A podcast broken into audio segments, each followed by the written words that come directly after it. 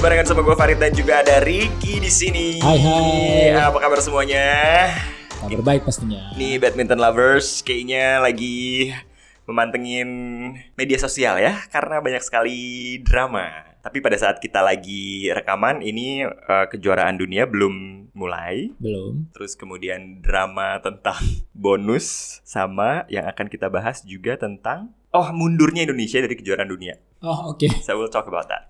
Ya, ya. Yang ya. pertama adalah oh kita juga akan membahas tentang players. Oh ya, ya, karena ini udah end of the year ya. Mhm. Jadi kita mau flashback sedikit. Oke, kayaknya kita bahas players dulu kali ya. Boleh, boleh, boleh. Menurut lo who is the most outstanding players? Kalau ngomong outstanding players, kayak agak susah sih karena ada eh, terbagi di beberapa periode waktu gitu kayak Betul. awal tahun yaitu ketika Akhir tahun. Ah, iya, lalu Olympic itself, Itself, dan tidak betul. ada turnamen lainnya. Mhm. Lalu akhir tahun ini gitu. Mhm. like Eropa dan uh, Indonesia. Dan pemain yang outstanding itu beda-beda kalau menurut gue. Hmm. Um, Tapi ada satu sih menurut gue yang kalau s- oke, kalau mau di ngomongin tunggal putra, it's definitely harus harus harus Yes, Victor yes. Axelsen.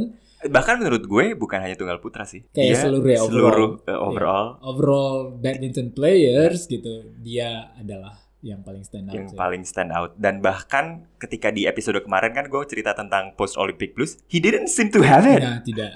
ya betul, tidak.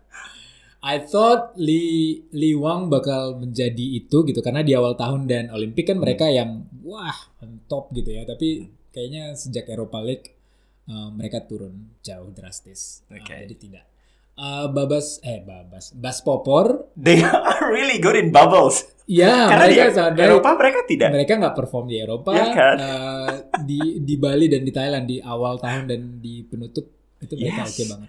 There's outstanding ya. Kan lo pernah bilang kan waktu di Thailand itu, ini kayaknya memang berarti ini nih apa namanya cocok-cocokan sama lapangan, sama kondisi Iya. lapangan ataupun sama shuttlecock. But they proved it gitu di Thailand dan di Bali mereka bisa menyabet tiga gelar. Gue nggak ingat kalau di Thailand tuh bolanya lambat apa tergolong cepet Uh, ya. now I don't- that I don't Karena either. em, di situ juga Grey Apri lumayan prestasinya Ya. sama seperti di sini. Hmm. Jadi mungkin mereka setipe kalau masih Setipe ya. kalau gue masih berpegang sama teori gue dulu, ya mereka cocok di tipe yang sama nih. Bas Hmm. Popor dan Grey Apri. yang mengejutkan bukan mengejutkan ya em, yang gue juga sukanya adalah si Bas Popor ini berhasil menang melawan Yuta Arisa yang Iya. sebelumnya mereka tidak Sus- pernah menang susah sebenarnya banget, ya, kan ya, ya. susah banget gitu untuk untuk menang but they actually won so it was like more like a proof that they actually were really good gitu Hmm, padahal dulu menurut gue levelnya nggak jauh beda sama Pramel sih siapa? eh iya Pravin Pravin Si Melati Bas kan Bas Popor. Popor Oh iya sekarang udah di atas. Sekarang Wah, udah. Pramel udah. tenang Ricky tenang lo lo- like lo langsung lo tidak kayak nggak "Hah? terima." Selevel, hah? Apa? Gitu. like a year or two before itu kayak mereka masih ya masih Iya, bisa kalah-kalahan. ketika lah. masih main layangan bersama, main gundu bersama, iya mereka masih selevel. Sekarang ya tidak Iya, ya. Oke, terus siapa lagi menurut lo yang outstanding? Um, yang outstanding An Seyong. yes. Um, untuk tunggal putri gue mesti nyebut nama An Seyong. Tapi kalau mau gue bilang di tunggal putri itu banyak turnamen yang tidak semuanya ngumpul di satu turnamen yang Hmm. sama. Jadi gue gue mau bilang An Seyong itu oke, tapi ada tanda petik, ada asterix di Hmm. situ bahwa di turnamen ini sedang tidak ada si ini, si ini, si ini. Hmm. Di turnamen berikutnya yang tidak adanya itu pemain yang lain si si D, E, F gitu. yang misalnya. membuat kita justru jadi penasaran ya apa yang terjadi kalau misalnya semuanya ngumpul di satu semua turnamen yang ngumpul di sama. satu turnamen ada Chen Yufei, ada Tai Su Ying gitu kan. Ada si Spanyol, aduh kok gue lupa Marin. Carolina Marin, Heeh. iya gitu. Itu pasti bakal wah gila. Seru banget ya. Iya. Seru. Dan memang eh, women single ini adalah disiplin yang paling kompetitif Hmm. ya. Iya, iya, iya. Yang kayaknya kita udah nggak main negara lagi tapi main who are you rooting for sebagai s- apa, pemain, Pemain gitu ya satu individu. orang pemain individu betul. Tapi yang gue suka adalah kayak R- Raconok is now recovering kayaknya. Yes, betul, setuju. Eh, dia mulai mulai balik lagi ke ke performanya yang oke gitu. Nah, terus kemudian ini jadi pertanyaan gue kan BW, BWF kan juga memberikan award kan female player of the year ke Tai Su Ying. So you disagreed with that? Gua nggak disagree ya, karena ketika dia main, ya dia perform. Tapi kalau kan- dibandingkan dengan pemain seperti An Seyong ataupun nih kalau gue sebut Chen Yufei lebih sering main um, I don't know ya. Chen Yufei dapat medali loh Olympic gold dan kalau ada Chen Yufei it's gonna be ya I know. she I- might I win get- it I gitu get dan your An point. Seyong masih masih masih di bawah Chen Yufei. menurut yes lo. Ya, menurut gue setuju. masih di bawah. itu kayak 50,5 dengan 49,5 gitu loh skornya Iya. antara Chen Yufei dan Tai Su Ying. Jadi makanya gue tuh ketika BWF mengeluarkan award Female Player of the Year, Gue gue agak kecewa. gue gak kecewa, tapi gue gue pikir Jennifer itu lebih deserve. Um, ya setuju setuju. Cuman mungkin itu bentuk ah, punish, punishment tanda kutip gitu.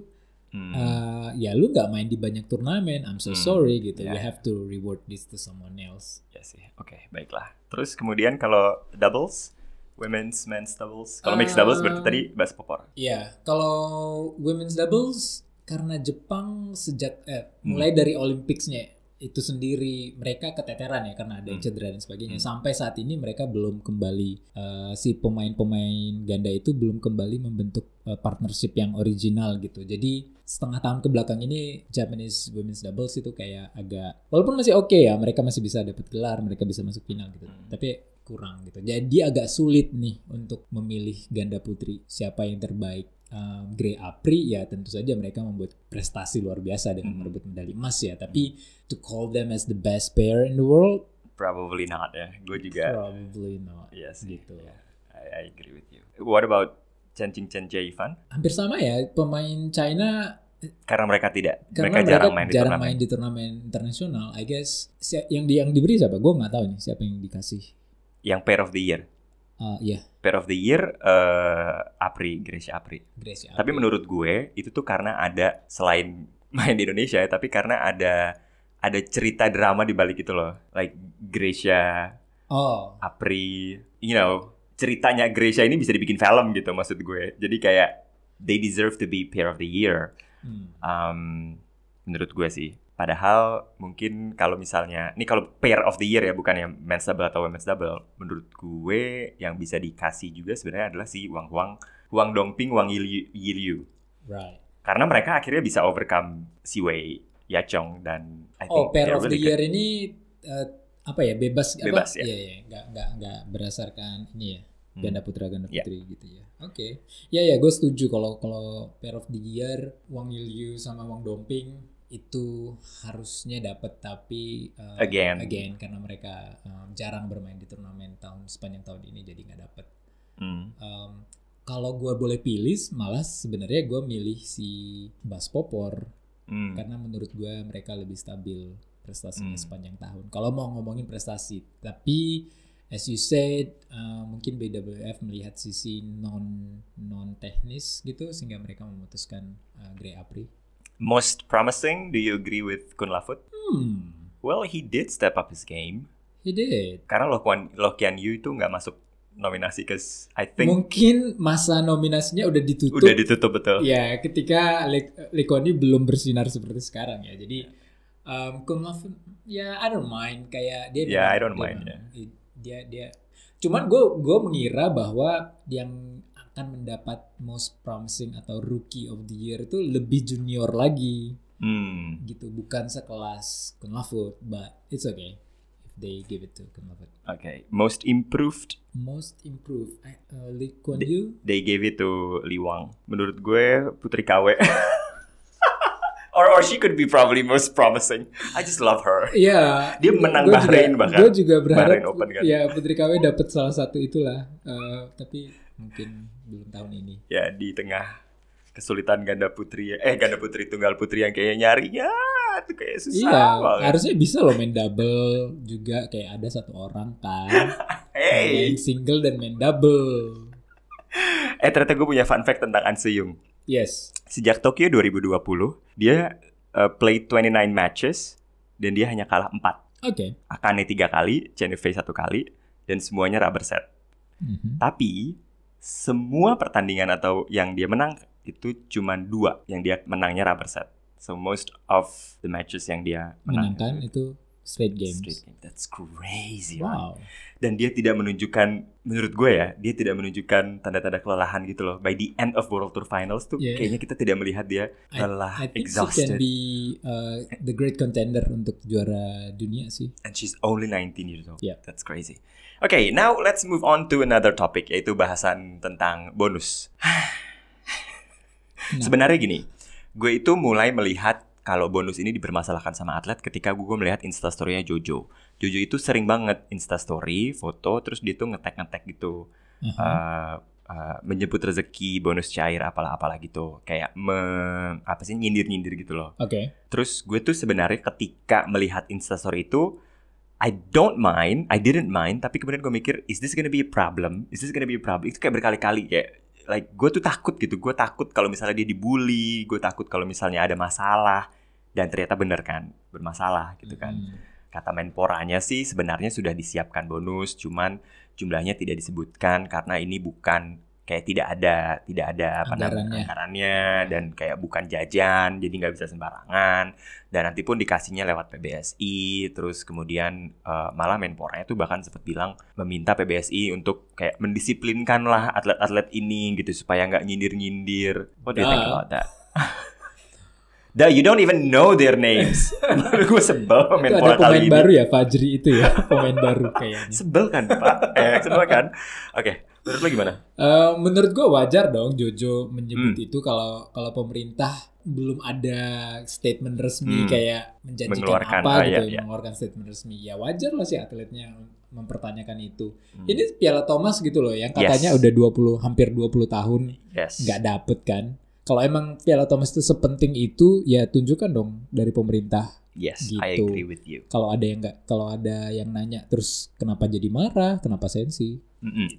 Apalagi Pak Presiden hadir di Bali Iya kan? menerima Piala Thomas. Iya kan? Itu kan sebenarnya menunjukkan kalau bagi lo, bagi kita, Hmm. bagi warga Indonesia, orang semua orang Indonesia gitu, penting lah gitu si Piala Ya. Thomas ini sampai Presiden datang dan menerima dari tim. So, I don't understand.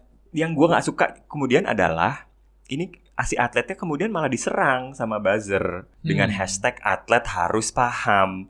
Ini cara-cara yang menurut gue it's the lowest low that you can do gitu nyerang atletnya dengan mengedit foto si Jojo ngel- nerima duit, terus Fajar Hmm. Alfian kemudian juga ngambil duit gitu. Jadi maksud gue this is very low gitu. Maksud it's it's if if you don't like them untuk menyindir, ya udah di counter dengan media pers conference kayak apa kayak make them membuat mereka mengerti gitu. Tapi bukan dengan cara-cara buzzer. Gue tahu buzzer ini ya gara-gara pada saat dicekin si akun-akunnya ya ada yang baru dibuat, ada yang Hmm. cuman followersnya satu atau dua yang memang dibuat tuh untuk itu gitu Iya, kan iya. ini it's very low menurut gue whoever did it ya kita nggak tahu siapa yang bikin Iya. dan I don't wanna point fingers karena bu UTI juga ntar gue di podcast kita yang tidak seberapa ini pendengarnya tiba-tiba di buzzer.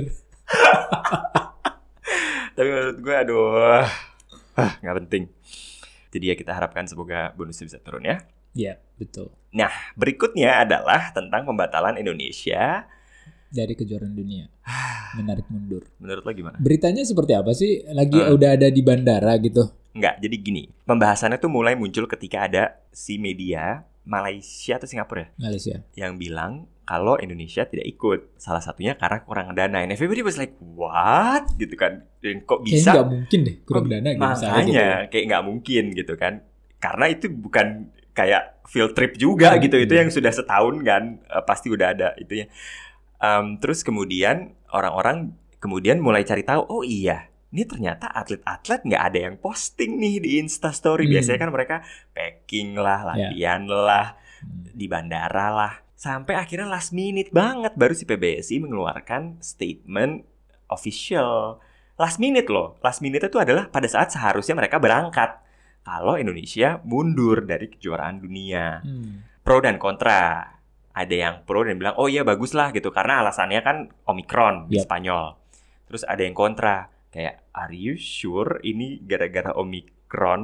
Hmm. Dan kalaupun iya, kenapa lo baru bilangnya sekarang gitu kan? Hmm. Tapi kemudian dari PBSI bilang mereka sudah consult ke atlet, official, ketua umum, pelatih semuanya diajak ngomong dan sepakat untuk tidak ikut. Ya menurut gue sih kalau gue jadi atlet ya gue protes juga lo kalau lo nggak membolehkan gue nggak akan berangkat nih. iya, nggak gitu bisa kan juga. nggak bisa Gitu. juga gitu. Tapi Indonesia ada wakil yang berangkat. Aduh, gue lupa namanya. Ada satu pasangan ganda eh, ganda campuran yang memang bukan PBSI, pelatnas. Heeh. Pelatnas. Kalau lo memang concern tentang Omikron, tutup dong semua yang mau keluar kan. Iya, iya, iya, iya, iya.